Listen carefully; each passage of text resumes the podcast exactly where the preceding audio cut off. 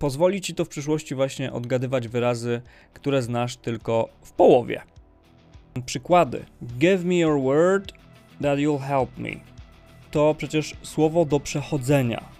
Nazywam się Mateusz Stasica.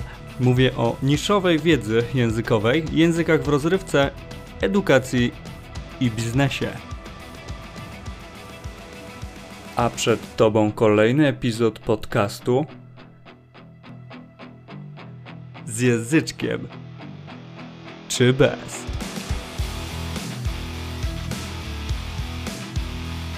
Dobra, dobra, dobra. Zaczynamy. Co to znaczy password po angielsku?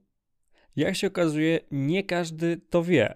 A ja ci dzisiaj powiem, co to znaczy password po angielsku, a nawet nauczę cię czegoś fajnego przy tej okazji. Ostatnio zajmuję się właśnie takimi wyrazami zlepkami.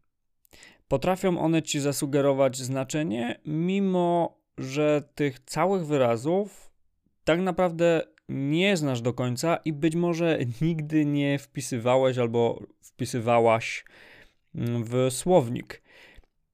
Takich wyrazów, zlepków jest więcej i mam zamiar przy innej okazji opowiedzieć Ci o kolejnych. Zaczniemy od tych bardzo łatwych przykładów, by powoli przejść do tych bardziej angażujących zlepków. Dzięki temu zobaczysz, że angielski tak naprawdę nie jest skomplikowany, tylko trzeba po prostu wiedzieć, na co zwracać uwagę. Ok, password i jego ukryte znaczenie albo znaczenia. Czyli dzisiaj rozmawiamy o password, słowie, które pojawia się dosłownie na każdym kroku. Wyraz password y, spotkasz wszędzie, wszędzie tam, gdzie trzeba się zalogować, coś uwierzytelnić, potwierdzić, mm, potwierdzić swoją tożsamość.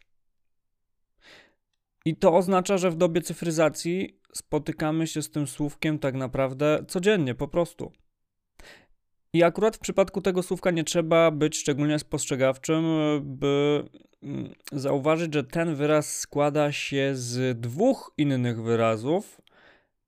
Sugeruje więc wejść w znaczenie jeszcze głębiej, aby przywyknąć do tego schematu zlepiania się, o którym wspominałem. Mm, pozwoli ci to w przyszłości właśnie odgadywać wyrazy, które znasz tylko w połowie że tak powiem. No więc teraz y, zobaczmy na te połówki. Słówka password. Pass. Pass to jest podać, to może być podanie, przejść, to może być też przepustka. Więc przyznasz, że jest tego sporo, ale wszystko jest gdzieś związane z pewnym ruchem, przechodzeniem gdzieś. Przykład. Can you pass me some bread? Możesz podać chleb? You'll see the shop after you pass the crossroad. Zobaczysz sklep po przejściu przez skrzyżowanie. Word. Słówko word oznacza wyraz, słowo. Tutaj chyba większych ceregieli generalnie nie ma, aczkolwiek w innych, rzadszych kontekstach um, słowo word będzie również oznaczało wiadomość, wysławianie się, czasami również to będzie e, odnosiło się do pewnych niesnasek. Więc tak, zależy wszystko od kontekstu. Mm, przykłady. Give me your word that you'll help me. Daj mi swoje słowo, że mi pomożesz. These words are very important in your language acquisition. Te słowa są bardzo ważne w Twoim przyswajaniu języka. No dobra, w takim razie co oznacza password? Na pewno już wszystko rozumiesz. Dosłownie mówiąc, password to przecież słowo do przechodzenia.